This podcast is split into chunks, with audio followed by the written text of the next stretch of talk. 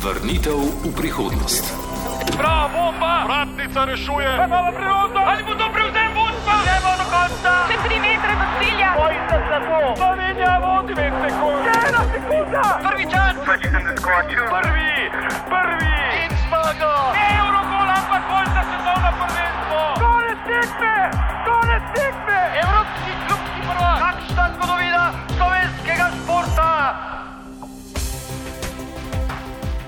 Tokratni epizodi bomo športnim časovnim strojem večkrat preskočili nekaj desetletij. Predstavljamo zgodbo Leona Štuklja s šestimi olimpijskimi kolajnami, še vedno najuspešnejšega slovenskega olimpica, ki je naduševal v času med obema vojnama. Osrednja zgodba je njegov prihod na stadion v Atlanti, kjer je bil kot najstarejši zlati olimpijec pri 97 letih ob stoletnici prvih iger moderne dobe na stadionu v družbi največjih zvezdnikov olimpijskega športa. In zdaj It is now our honor to introduce the oldest living Olympic predstavljajo gold na medalist stadionu who first najstarejšega participated in the Games of 19 olimpionika na svetu, torej dobitnika zlate medalje, 97-letnega slovenca Leona Štuklja.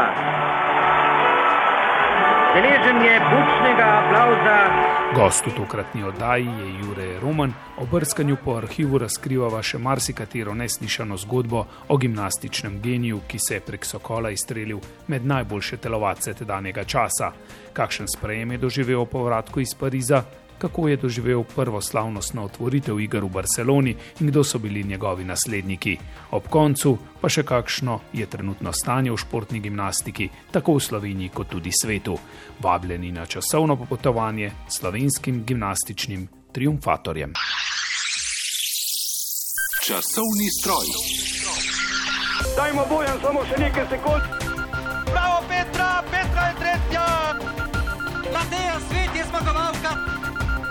Peter, kaj daleč ti? Slovenija slavi, konec je, konec je! Tokratni športni časovni stroj vrtimo najdlje eh, nazaj v čas Leona Štuklja, eh, sto let nazaj v čas eh, kraljevine Srbov, Hrvatov in Slovencev, v čas, ko je Leon Štukl osvojil šest olimpijskih kolajn. Jure Roman je moj sogovornik, sedanji reporter za športno gimnastiko v našem uredništvu. Telovadba je bila v tistem času drugačna oziroma imela drugačen status kot vse ostale športne discipline. Šport je bil razdeljen na šport in na telovadbo. Tu so bila tudi prepričanja, politična in družbena. In iz tistih začetkov eh, telovadnega dela je nastalo na koncu tudi kopica športnih zvez in nasploh družbena športna ureditev. Leon Štukal pa pravzaprav med vsemi temi neka izjema, ki je potrebovala pravilo tudi izjemnih mednarodnih uspehov. Kakšna je pravzaprav sploh bila telovadba v tistem času, kakšna so bila tekmovanja, kako se skupaj pravzaprav izgledalo? Telovadba je bila, tako bi rekel, način življenja. Danes morda športniki eh, oddelajo svoje, gredo v službo, v telovadnico, na teren. Takrat pa je bil to, po mojem, res eh, način življenja. Leon Štukal je že kot otrok spremljal sokole po ulicah novega mesta, vemo, da je tam eh, doma. In ko je videl te elegantno oblečene, postavne moške, si je želel, da bi nekoč postal tudi sam del te družbe in nekako pri sedmih, osmih, devetih letih se je pridružil sokolom in jih ne samo občudoval, ampak z njimi tudi telovadil in zagotovo najbolj mogočno ponesel njihovo besedo, vsaj kar se telovadbe, športne gimnastike tiče pri nas. Z kraja, ko smo začeli dečki telovaditi, nismo imeli nikogar, nobenega vzora. V telovadnici so pa bili telovadci, že, to je bilo šele leta 8, ko sem prvič stopil v, v telovadnico. To je v, v prvi sokolski naraščaj.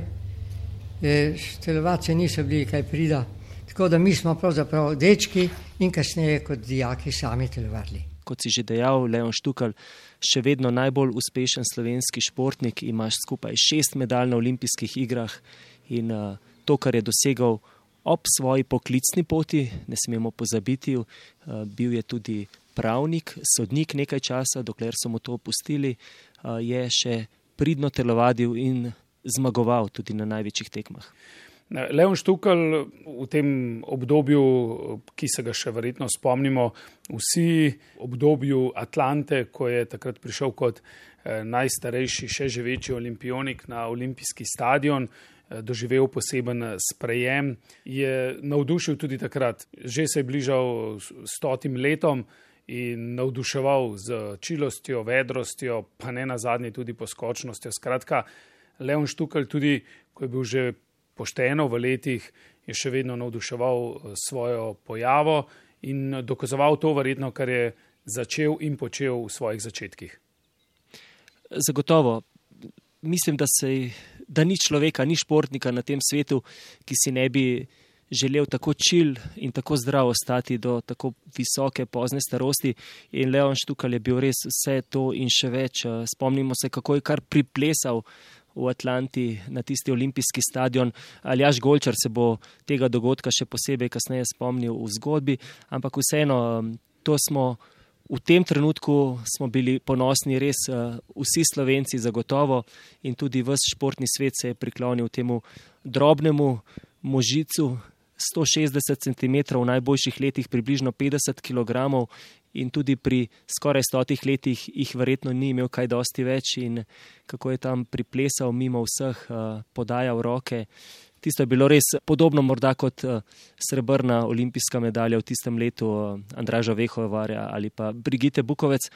In uh, zakaj je ostal tako zdrav in čil? Uh, skromen je bil, po, po mojem prepričanju je bil to res uh, skromen človek. Uh, po drugi svetovni vojni mu ni bilo lahko, pa vseeno je ostajal skromen. Nekaj bolj hudega je bilo, da so me kratko malo postavili na cesto. Od zemelitvijo, da ne spomnujem pogojev za državnega službenca. To me sicer ni preveč bolelo. Jaz sem bil vedno vedre narave, vse sem sprijemal eh, tako, kakor je. In eh, hvala Bogu, da imam to lasnost, da zelo rad odpuščam, ker vedno pravim, če kdo zelo naredi, gotovo imel eh, en napačen nagib, ki drugače ne bi, bil, ne bi to storil. Torej, nekaj vrste determinizem, ki ga imajo vsi ljudje in ga imamo tudi vsi. Ne? Vse, kar mu je pomenilo na tem svetu, je bila njegova družina, imel je hčerko in seveda ženo in mislim, da je tam dobival tudi svojo največjo moč. Zdaj smo opisali pravzaprav to, kar bo najna destinacija v nadaljevanju, torej dogodek iz Atlante. Kako pa se je Leon Štukal vračal ob svojih največjih uspehih v Slovenijo, kako je pravzaprav eh, takrat zgledal povratek recimo olimpijskega prvaka. Zdaj nam je pravzaprav vsem znano, da so to izjemni sprejemi, da je to zelo bučno in da Eh, prepoznajo to ljudje kot za res velik uspeh. Eh, kako je bilo to v letih, eh, ko je blestev Leon Štukal? Ampak tisto, po mojem, ni bilo kaj manj vredno ali pa manjše. Kronisti zapišejo, da se je Leon Štukal, potem ko se je vrnil iz Pariza, to je bilo leto 1924, prve olimpijske igre za njim z dvema zlatima medaljama, da se je vlak ustavljal na več postajah, prvi večji sprejem Sokolski je bil postojni in potem vse do novega mesta. Povsod so nas pozdravljali, prvi pa res so postojni. Zelo lepo, tam je Sokolsko društvo priredilo eh, na železniški postaji eh, veliko parado s nagovorom, pozdravom. Postavljeni so bili tudi mladi. Zelo veselo je res tako, kako sem v svoji knjigi napisal. To so bili na vseh postajališčih eh, sprejemi, telovadne vrste so se mu poklonile. V novem mestu ga je sprejel tako župan Ave Triumfator, eh, tako so sprejemali samo še najbolj znane rimske bojevnike, ko so se z osvajalnih pohodov vračali nazaj domov. Tako da takih besed pa ni bil deležen eh, kasneje nihče v Sloveniji, niti širše. In Ave Triumfator v tistem primeru, ko se je domov iz Pariza vrnil, se pravi z zlatom v mnogo boju in na drogu. Ker tudi v Jugoslaviji, ko smo bili še skupaj, ne, je bil takrat leta 24 v športnih krogih, predvsem ne, pa tudi med ljudmi, ki so bili bliže športu, veliko odziv. Oja, saj sem bil dvakrat odlikovan, enkrat v audienci pri kralju Aleksandru, to je bilo takoj po eh, vrnitvi iz Pariza in na to štiri leta za zlato koleno na krogih v Amsterdamu sem dobil res svetisave eno stopno više. Tako da tukaj tudi z uradne strani moram reči, je bila pozornost.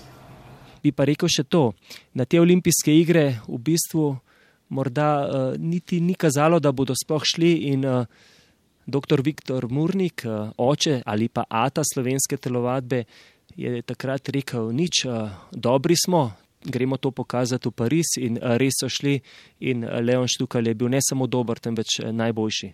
Te številni zapisi in pa tudi nekaj arhivskih posnetkov kažejo na to, da so znali pravzaprav slaviti takrat tudi športne uspehe oziroma bolje rečeno junake, s katerimi so se poistovetili in tako kot si omenil Viktorja Murnika, pokazati uh, moč uh, ali pa kakovost tudi v športnem pogledu, tudi v pogledu delovanja v športu je bilo že takrat eh, zelo, zelo pomembno. Torej, ta tekmovalnost je bila že eh, tudi pred stotimi leti prisotna eh, v samem športu. Se mi pa zdi, da je imela vseeno tudi nek drug pomen pokazati v bistvu pomembnost in veljavo naroda. Te sekcije, te društva, te posamezne zveze, ki so delovale znotraj telovadnih organizacij, so imele vsaka svoj način in nekako so se dokazovali med seboj, tako po Evropi, kot tudi po svetu. Imaš prav, popolnoma. Bi pa rekel, Nemcev tam na olimpijskih igrah ni bilo in morda je bila tudi tukaj priložnost za štuklja, ampak to seveda ne zmanjšuje njegovih zlatih odličij.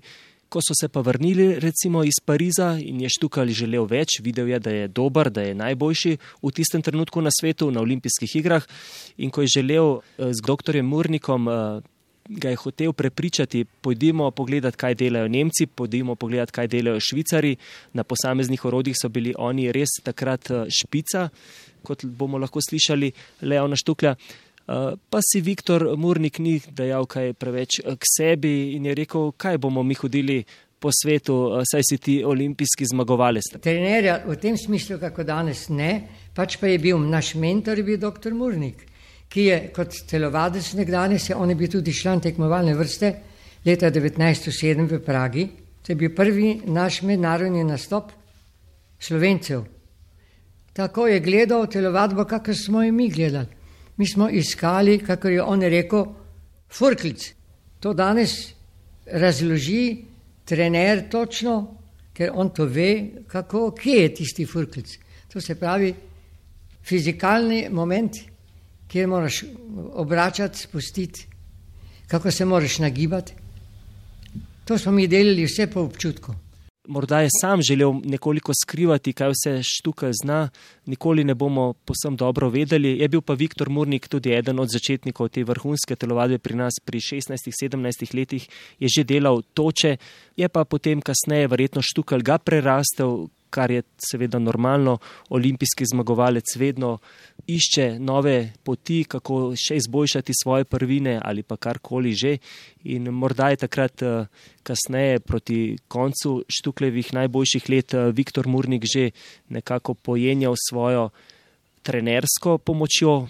Vsekakor pa je bil svet v zgled vsemu, kar so sokoli predstavljali, in brez njih oziroma brez njega tudi vseh teh eh, telovadnih uspehov zagotovo ne bi bilo. Ja, vsak šport eh, pošteno napreduje, tudi gimnastika je v nadaljevanju, v zaključku tega pogovora bo govorila tudi o sedanjosti in prihodnosti, ampak eh, samo preko slik nekih arhivskih posnetkov si lahko predstavljamo, kakšne so bile prvine znotraj vaje in te, ki jih recimo lahko občudujemo z nekaterih zelo znanih slik Leona Štuklja, so še zdaj izjemno zahtevne. Še zdaj sodijo med tiste najtežje. To govorimo o eh, teh statičnih vajah, ki niso toliko dinamične in eh, morda atraktivne na prvi pogled, pa zahtevajo pa izjemno moč in izjemno koordinacijo. Verjetno imaš v mislih njegovo srebrno sestavo na krogih, lahko si jo ogledamo. V Berlinu je bilo to leta 1936, najde se jo tudi na spletnih straneh.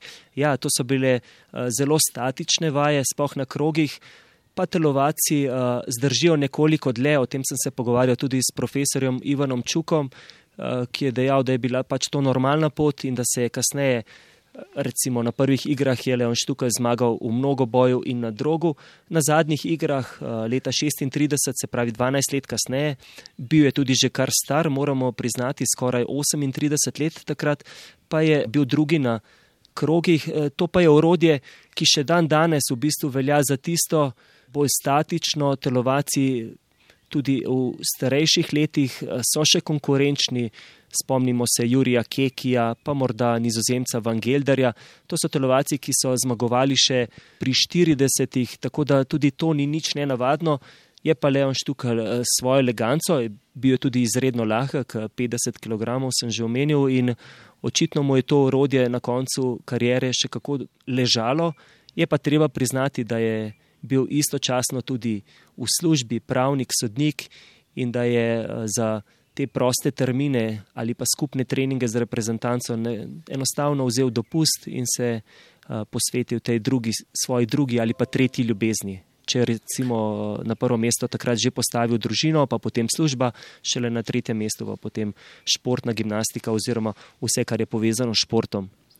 Govorila so že o najboljših, najuspešnejših igrah za Leona Štukla leta 1924, tudi o sprejemu, eh, ki je sledil tem igram. Eh, bil je udeležen še dveh igr, tudi to so že omenila na krogih, končal v eh, Berlinu. Jugoslavija pa športnikov ni poslala na igre v Los Angeles 1932. Vsaj tako je bilo na prvi pogled. Sokoli so bili takrat pripravljeni tudi pokriti Eh, pot s prispevki članov eh, in verjetno bi tudi iz tistih iger se vrnili s kakšno kolajno, ampak eh, pravzaprav me zanima, zakaj gimnastična vrsta ni odpotovala takrat na zahod Severne Amerike.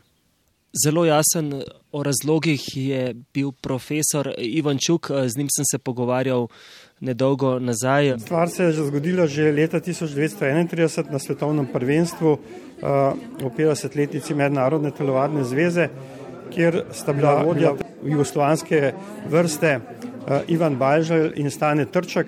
In one dva kot novi avtoriteti na področju rodne telovadbe sta dejala, da na olimpijskih igrah v Los Angelesu nimajo nobenih možnosti, uveljavljala sta svojo avtoriteto, na drugi strani pa se je itak razvoj pokazal, da bi lahko Leon Štukal in njegovi sotelovaci, Jože Primožič, Petr Šum in podobni telovaci takrat osvojili recimo 6 do 10 olimpijskih odličij.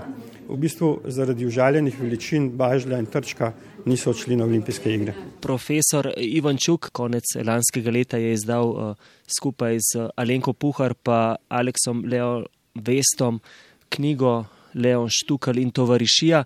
V njej v tej knjigi tudi razlaga, kaj se je takrat dogajalo. Drži, Sokoli so bili pripravljeni zbirati sredstva, drži pa tudi, da Jugoslavija takrat eh, športnikov ni poslala, ne samo telovalcev, da nikogar ni poslala na olimpijske igre, ker je to predrago, pot v Los Angeles naj bi bila predraga. Tam je sicer nastopil le en športnik v metu diska, to je bil Veljko Narančič.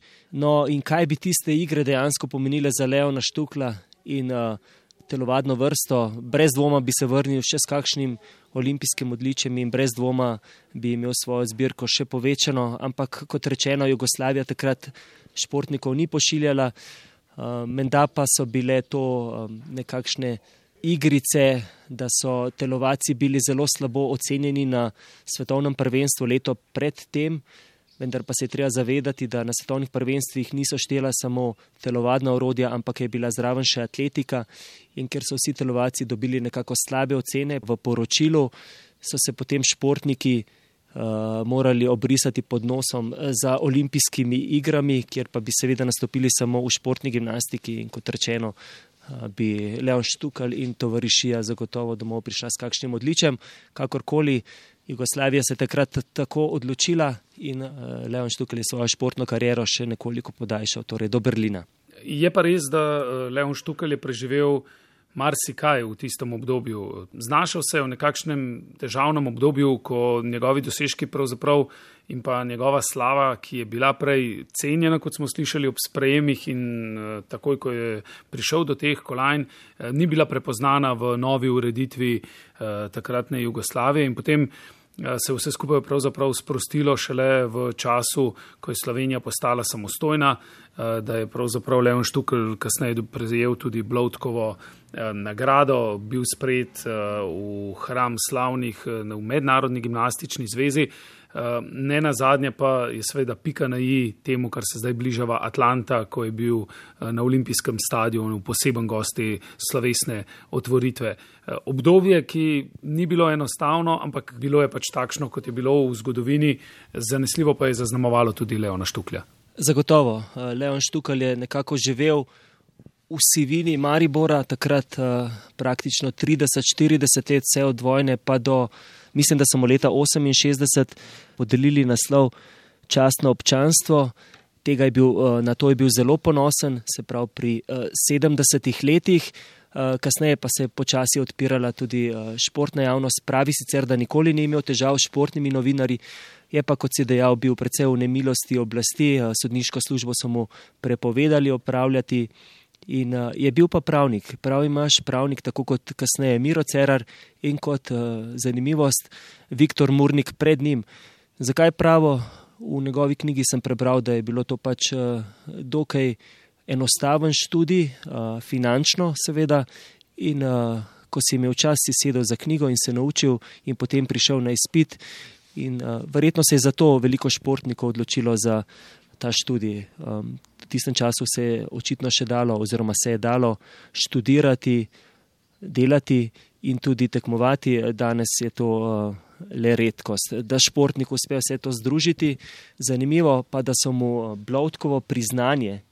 Oziroma, Blotkovo nagrado, najviše priznanje pri nas na področju športa, podelili šele leto dni po Atlanti, in uh, čisto pravih odgovorov, uh, zakaj šele takrat, eh, mislim, da nikoli ni dobil. Ja, Leon Štukl, eh, torej Ave Triumfator, naziv, ki ga je bil takrat vesel, ko je prikorakal z olimpijskim zlatom nazaj v Slovenijo, takole pa je Ave Triumfator prikorakal kot mladenič na olimpijski stadion v Atlanto. Aljaš Golčer je pripravil naslednjo zgodbo, morda v tem še samo zanimivost. Eh, da je bil Leon Štukal prvič na otvoritvi olimpijskih iger, čeprav so zdaj omenila tri edicije olimpijskih iger, pa ene, ki jih ni dočakal leta 1992 v Barceloni. Na tistih prvih igrah otvoritev v taki obliki, kot jih zdaj poznamo, ni bilo. Ne? V Barceloni pa so bile te slovesne otvoritve že prava znanost, oziroma so se države že postavljale z njimi, predstavljale svojo zgodovino in kulturo v podobnem slogu, kot jo poznamo dan danes. No in v Barceloni je Leon Štukaj tudi prvič videl pravo otvoritev olimpijskih iger. Torej sledi zgodba Aljaža Golčarja, mi da pa se potem vrneva s pogledom na športno gimnastiko tudi v prihodnost in pa v trenutno stanje v Sloveniji. Iz našega arhiva. Leon Štukal je prvi slovenec z zlato olimpijsko medaljo. V Parizu je leta 1924 osvojil zlato v mnogoboju in na drogu. Skupaj je nastopil na treh olimpijskih igrah, po tistih v Parizu še leta 1928 v Amsterdamu in zadnjič še pred drugo svetovno vojno leta 1936 v Berlinu. Skupaj je pod petimi olimpijskimi krogi osvojil šest medalj, tri zlate, dve srebrni in eno bronasto.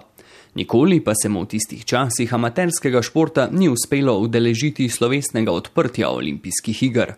Otvoritveno slovesnost je prvič star več kot 90 let doživel leta 1992 v Barceloni, na prvih olimpijskih igrah po osamosvojitvi Slovenije.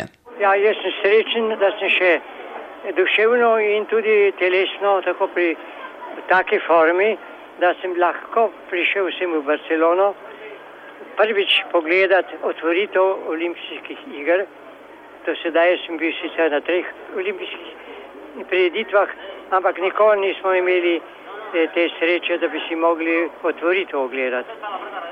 Gotovo sem zelo impresioniran, ker je bila otvoritev je bila perfektna, zelo domiselna, res tako v slogu španske eh, intuicije in esprija. In moram reči, da, da sem zelo zadovoljen in srečen, da sem lahko tukaj to doživel. Leon Štukal je bil rojen na Avstro-Ugrskem, na olimpijskih igrah pa je zastopal barve kraljevine Jugoslavije. Preživel je več držav, njegova skrivnost živahnosti in agilnosti v visoki starosti je bila telesna aktivnost, s katero ni nikoli prenehal. Štiri leta po olimpijskih igrah v Barceloni je pri 97 letih starosti dočakal svoj mednarodno največji sprejem v življenju. Kot najstarejši še živeči olimpionik je navdušil navzoče na odprtju olimpijskih iger v Atlanti v Združenih državah Amerike. Ob sprehodu proti glavnemu odru olimpijskega stadiona so ga spremljali milijoni gledalcev in poslušalcev, med navzočimi pa je bil tudi takratni ameriški predsednik Bill Clinton. Za Radio Slovenija je dogodek spremljal Boris Ljubič.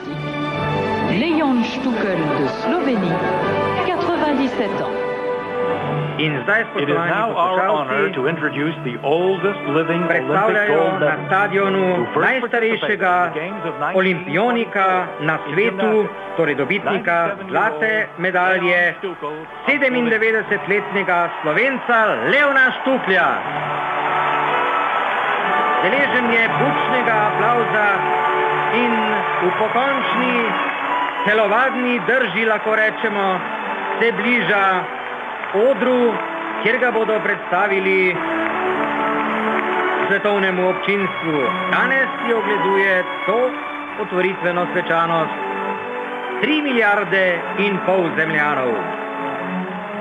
Bill Clinton, soprogo Hillary, sta navdušena in mu čestitata za zares vrhunske, vrhunske dosežke in seveda tudi udeležbo na letošnjih igrah, kjer je poseben gost predsednika Moka Samarana. Tudi doma je bil Leon Štukal predvsem za časa svojih največjih športnih uspehov deležen nekaj velikih sprejemov. Najbolj znan je tisti leta 1924, ko je iz Pariza prinesel prvi zlati olimpijski medalji. Pričakala ga je kopica prireditev v različnih krajih, preden ga je v domačem novem mestu župan Josip Režek naslovil z Ave Triumfator. O tem se je pred mnogimi leti s Štukljem pogovarjal Franci Pavšar starejši. Ko ste se vračali iz Pariza po olimpijskem zmagoslavju, so vas veličastno sprejeli. Že v postojni, zanimivo, teda je bila pod Italijo, Parake, Klogatec, Vrhnika in seveda Ljubljana. Kronisti so zapisali, da je vse posod bilo nepopisno vzdušje, da je bilo prav čutiti ponos naših ljudi. Sprejem potem v novem mestu pa je prekosil vse. Prvega slovenskega olimpijskega zmagovalca pa je čakal tudi pozdrav Ave Triumfator. Ne prej, ne kasneje se to ni zgodilo. Se radi spominjate tega potovanja iz Pariza domov? Ja, Krok vratu pa dve zlati in ena bronasta olimpijska To je vse kolajna. res, to je vse res.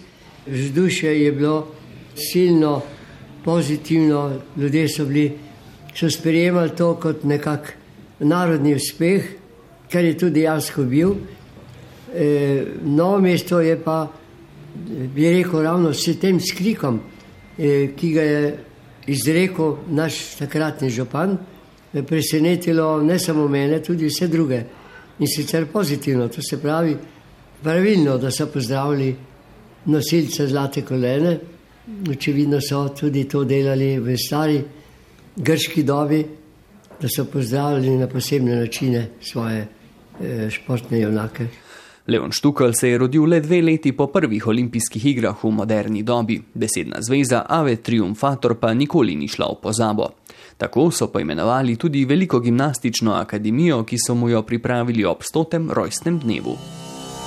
Vrnitev v prihodnost. Atlanta je bila za slovenske športnike srebrna. Atlanto sta zaznamovala atletinja Brigita Bukovec s prvo kolajno za atletiko in Andraš Vehovar s prvo kolajno za uh, kajakaški šport, torej za kajak in kanu na divjih vodah, za slalomiste na divjih vodah. In to je bilo pravzaprav obdobje, ko je Slovenija nekako potrjevala svoj status v športnem svetu. Začela so se skupaj v Barceloni. Ta druga edicija je bila že uspešnejša, srebrna, še smo čakali olimpijsko zlato.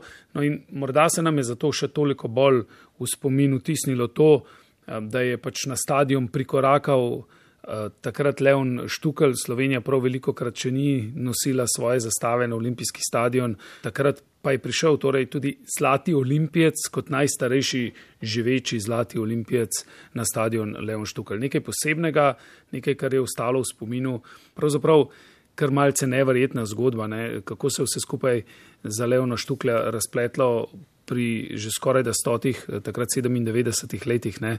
da so ga prepoznali tudi v tej luči kot pomemben člen olimpizma nasploh lepo, lepo, res lepo, da so ga takrat eh, počastili in mislim, da je bil v velik ponos vsem nam, eh, ko smo to spremljali. Eh, zagotovo se vsi še, če smo le lahko takrat gledali, spomnimo, kako prisrčno je bilo vse skupaj, pa stisnjena pest Bila Clintona, pa slovenski predsednik na častni tribuni Leon Štukal pa kot eh, mladenič poplesaval in skakal eh, sredi stadiona in navdušeni športniki, atleti eh, današnje dobe so se mu klanjali, tako da upam, da je takrat tudi kakšen športnik dobil kaj več motiva za delo in da je vse skupaj izgledalo tudi ne samo tako, kot smo videli mi, športni novinarji, ampak da, da smo vsi bili takrat tisti trenutek res ponosni na to. Ja, športna gimnastika, prav zanimivo, je v tistem obdobju znova uscvetela v Sloveniji. Prav v času po Atlanti se je začelo obdobje uh, Mitja Petkovška in Aljaža Pegana, dveh slovenskih vrhunskih telovacov, ki sta pravzaprav osvojila vse, kar je bilo možno na svetovnih in evropskih prvenstvih. Nista pa imela morda tudi sreče, uh, da so se telovadna pravila prav v njihovem obdobju tako zakomplicirala in spremenila, da za njo, čeprav sta bila najboljša na svojih orodjih na svetu, ni bilo prostora na olimpijskih igrah. Zdaj, ob pogledu na razvoj športne gimnastike in pa tudi stanje v Atlanti 1996, pa še potem kasneje, ne, so bili slovenski telovadni nastopi za res prava redkost. Pravila so se spremenila, čeprav po drugi strani pa bo marsikdo rekel, da so bila pravila enaka za vse. Ne Mitja Petkovšek, ne Aljaš Pegan v tistih svojih najboljših letih nista tekmovala v mnogoboju, kar Miro Cera recimo je, Leon Štukal sploh. In uh, ker nista tekmovala v mnogoboju, se je bilo uvrstiti na olimpijske igre še toliko težje. Na začetku karijere sta bila celo blizu in v bistvu Mitja Petkovšek je tudi do svojih prvih olimpijskih uh, iger v Sidniju prišel na ta način preko mnogoboja. Kasneje, leta 2008, ko pa je bil recimo v top formi, v najboljši formi v svojem življenju, pa je prišel na olimpijske igre na Kitajsko kot eh, svetovni prvak na prvenstvu eh, v Študgartu, se pravi leto predtem. In uh, spomnimo se, oziroma nekateri se še spomnite, Aljaš Pegan je bil takrat drugi, kar pa ni bilo dovolj za pot na olimpijske igre. Oba pa sta bila še dve leti prej, na isti dan, praktično v isti uri, svetovna prvaka v Avstraliji, to je bilo leta 2005. Uh, in uh, takrat se je seveda Slovenija na tistem prvenstvu uvrstila zelo visoko na lestvici. Mislim, da je bila celo tretja z dvema svetovnima prvakoma. Ampak kakorkoli, Mitja Petkovšek leta 2000 v Sidnju je bil že kandidat, verjetno tudi za medaljo, pa mu je spodletelo v kvalifikacijah. Še hujše je bilo potem, kasneje, leta 2008 v Pekingu, ko mu je spodletelo v finalu. Prišel je kot favorit, bil je svetovni prvak, eh, nažalost pa se mu je sestava na Bradley takrat ponesrečila. Ampak eh, pred eh, nekaj dnevi sem bral intervju z njim.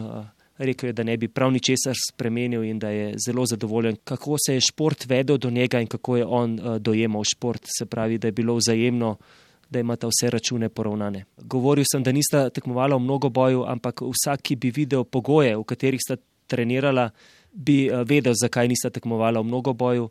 Študijska telovadnica je bila že leta 1970, ko je bilo v Ljubljani svetovno prvenstvo zasmehovana strani Japoncev, takrat je seveda v njej tekmoval, treniral uh, Miro Cerar, pa so mislili, da pravo telovadnico skriva. In uh, Mitja Petkošek je v tej isti telovadnici eh, izdelal vse svoje sestave za svetovna in evropska prvenstva in bil pri tem zelo uspešen.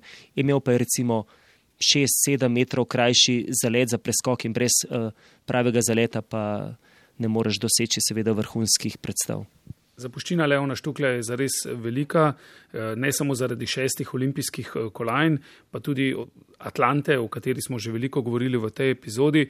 Ne na zadnje je pustil velik pečat v svojem rodnem novem mestu, kjer ima dvorano. No, Mitja Petkovšek in Aljaš Pegan imata zdaj svoj gimnastični center, za njo seveda precej prepozno, za nove generacije pa zelo sodoben center, kjer lahko ustvarjajo in delujejo. Miro Cerar je bil predhodnik obeh omenjenih, torej Pegana in Petkovška, vmes pa še Lojze Kolman.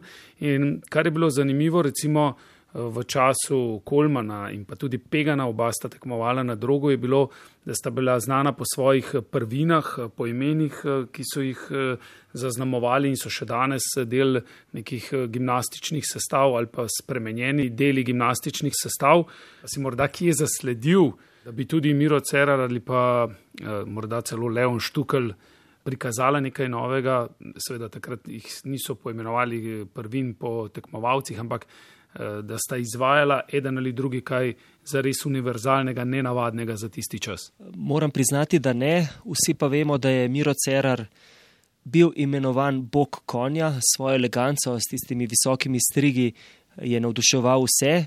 In da je recimo Leon Štukal govoril, da je moral svoje sestave na krogih, bil je že zlat na krogih leta 1928, torej na svojih drugih olimpijskih igrah je osvojil zlato na krogih, tako eleganten s svojimi razporami, držami, da je moral večkrat na kakšnih uh, društvenih prireditvah to ponavljati, da so bili ljudje navdušeni, da verjetno niti niso vedeli, kaj vse človeško telo zmore. Tako da že takrat sta nekako orala saj del nekih kakovostnih standardov. Je pa tako, da če te poimenujejo na japonskem, bog konja, potem uh, zagotovo to veliko velja in Miro Cerar bi seveda letos z veseljem šel v Tokio, pa upam, da se mu to izide prihodnje leto pri 81 letih. To je krasna istočnica za skok in pogled v prihodnost. Skok v prihodnost. No in sva v sedanjosti oziroma prihodnosti, Aljaš Pegan in Mitja Petkovšek sta pravzaprav kar bližnja preteklost slovenske športne gimnastike, zato pa je sedanjost povezana prav tako s konjem, z ročaji, kjer Sašo Brtoncel, nekakšen naslednik Mira Cerarja, pa predvsem bolj logičen naslednik obeh omenjenih Petkovška in Pegana, bije boj sam s seboj in s konkurenco, da bi pravzaprav dosegel kakšen zares izjemen dosežek, odmeven rezultat. Izmikajo se mu kolajne na največjih tekmovanjih, je pa stalni član teh največjih tekmovanj. Eh, čaka tudi še, da bi se mu posrečil kakšen izjemen olimpijski nastop. Skratka, Sašo Bertoncel je trenutno, eh, čeprav ima so tekmovalce kar malce usamljen v tem vrhu svetovne športne gimnastike v slovenski reprezentanci. Ja, v bistvu, kar se res elite tiče, smo sedaj kakšen korak dva nazaj, kot je bilo v času Pegana in Petkovška. Pegan bi morda s svojo strokovnostjo lahko pomagal več v slovenski gimnastični zvezi, vendar se sedaj bolje znajde v Turčiji, tam pomaga njihovi reprezentanci in Turki so v zadnjih letih zelo napredovali, tudi verjetno zaradi Aljaža Pegana. Mitja Petkovšek ima svoj uh, klub uh, s ženo oziroma s partnerico Mojco Rode in ostaja bolj na klubski ravni. Sašo Brtoncel pa tudi nekako izgublja ta vlak za olimpijske igre in uh, dvomim, da bo ujel morda eh, naslednje po Tokiu. Za te igre za Tokio je že v izgubljenem položaju, ni se uspel vrstiti v finale svetovnega prvenstva, niti uh, ni bil uspešen v tekmovanju za svetovni pokal. Tukaj sicer zelo blizu olimpijskim igram uh, Teja Belak, Teja Belak uh, tudi večkratna finalistka evropskih prvenstv v preskoku, ni bila še finalistka na svetovnem prvenstvu, ampak vseeno Morda se tej Belak celo posreči, še ena tekma je do konca teh kvalifikacij. In sicer v Dohi, ne ve se točno, kdaj ta tekma bo, vendar pa ima Teja Belak trenutno eno prvo mesto in bila je druga.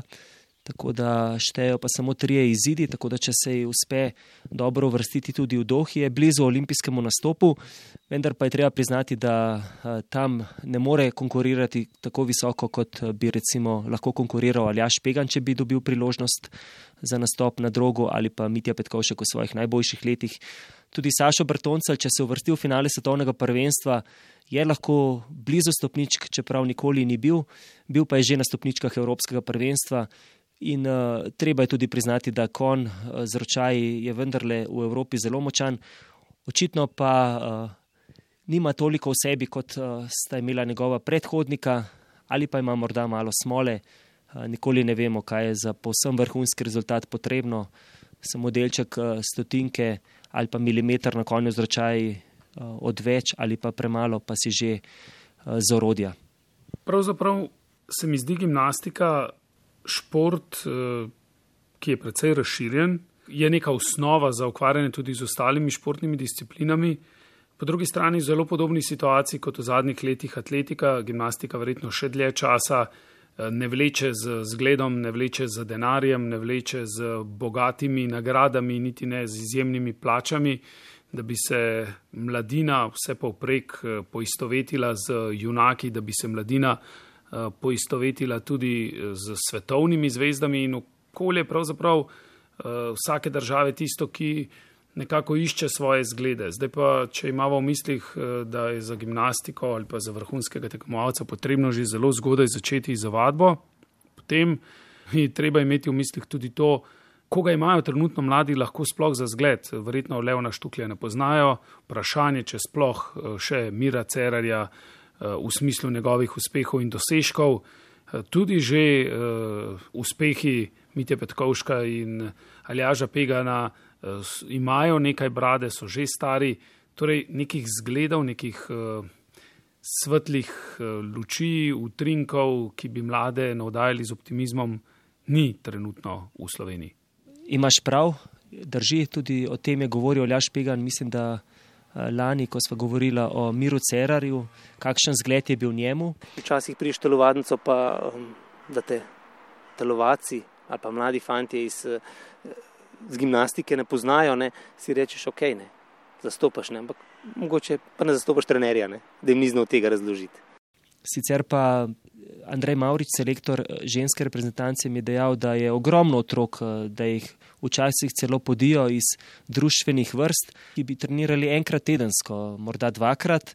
Ko pa jim trenerji povejo, da je treba trenirati trikrat, štirikrat, da bo otrok napredoval oziroma lahko začel tekmovati, pa se starši v glavnem ustrašimo oziroma si tega ne želimo in da je trenutno vrhunska gimnastika na bolj trhlih temeljih, nikoli pa se ne ve, morda bo kdo od te množice otrok, starši se očitno zavedamo, da gimnastika je pomembna, eh, vozimo otroke v gimnastična društva in da bo morda kakšen od teh otrok eh, tako vzljubil gimnastiko, da tudi eh, starši ne bodo mogli preprečiti, da se ne bi mogel oziroma da se ne bi še bolj začel ukvarjati s tem športom.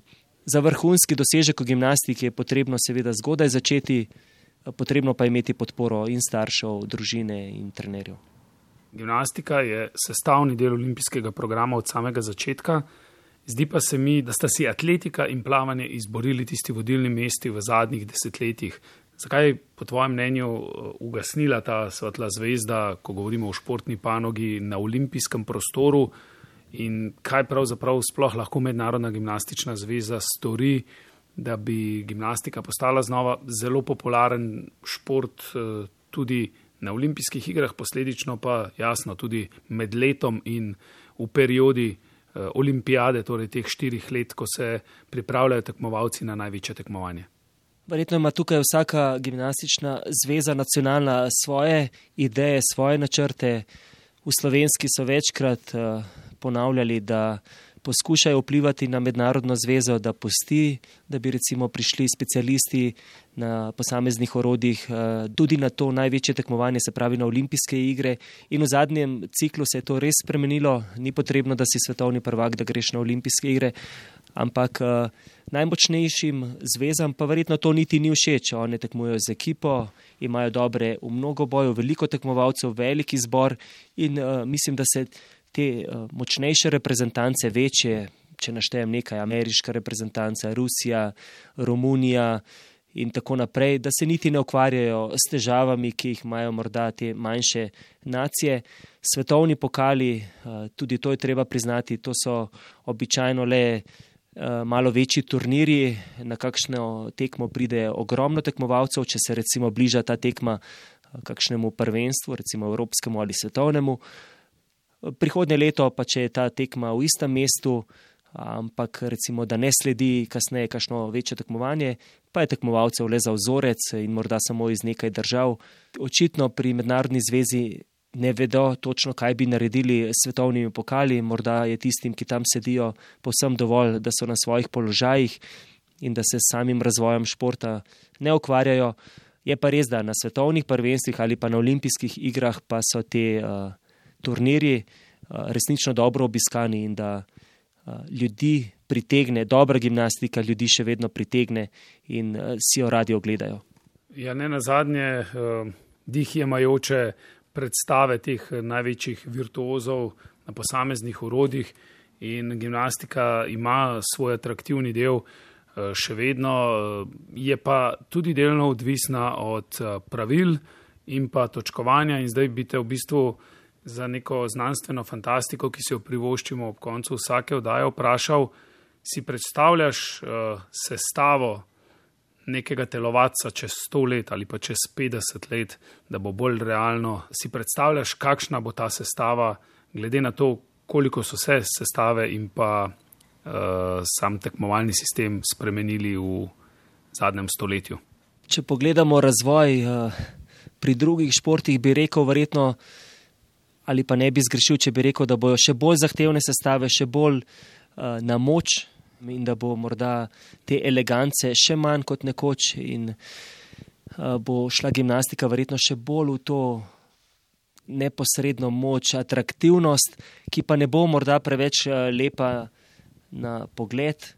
Jaz po svoje pogrešam kakšne take sestave na posameznih orodjih, ko vidiš kakšnega telovca, ki ga kar premetava na drogo, recimo nizozemec Epke Zunderland je tak, eh, ki je seveda zelo, zelo atraktiven, vendar pa nikoli ne veš, ali ga bo odneslo sredi sestave na blazine ali ne.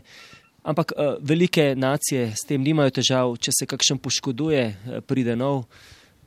Pri slovenski gimnastični zvezi pa je to drugače, oziroma pri nam podobnih reprezentancah pa je to drugače. Vsak telovadec, ki se poškoduje ali ki ga ni, eh, pomeni eh, velik manjko pri tekmovanju, pri sredstvih in tako naprej. Jure Roman, hvala za ta klepet o Leonu Štuklju, o športni gimnastiki. Ni to edina epizoda na temo športne gimnastike, še bo sledila kakšna. Dotaknili se bomo tako dvojca Pegan Petkovša, kot ne na zadnje tudi eh, Mira Cerarja. Naslednja epizoda v prvi seriji teh oddaj Vrnitev v prihodnost pa sledi čez dva dni. Vrnitev v prihodnost. Mislim, oprostite vse skupaj, ampak bom drugič kaj več povedal. V naslednji epizodi vam v četrtek predstavimo pot Smelta Olimpije na sklepni turnir četverice najboljših moštev Eurolige. Osrednja zgodba bodo tekme s Cibono, ki so ljubljančane popeljale do četrt finala.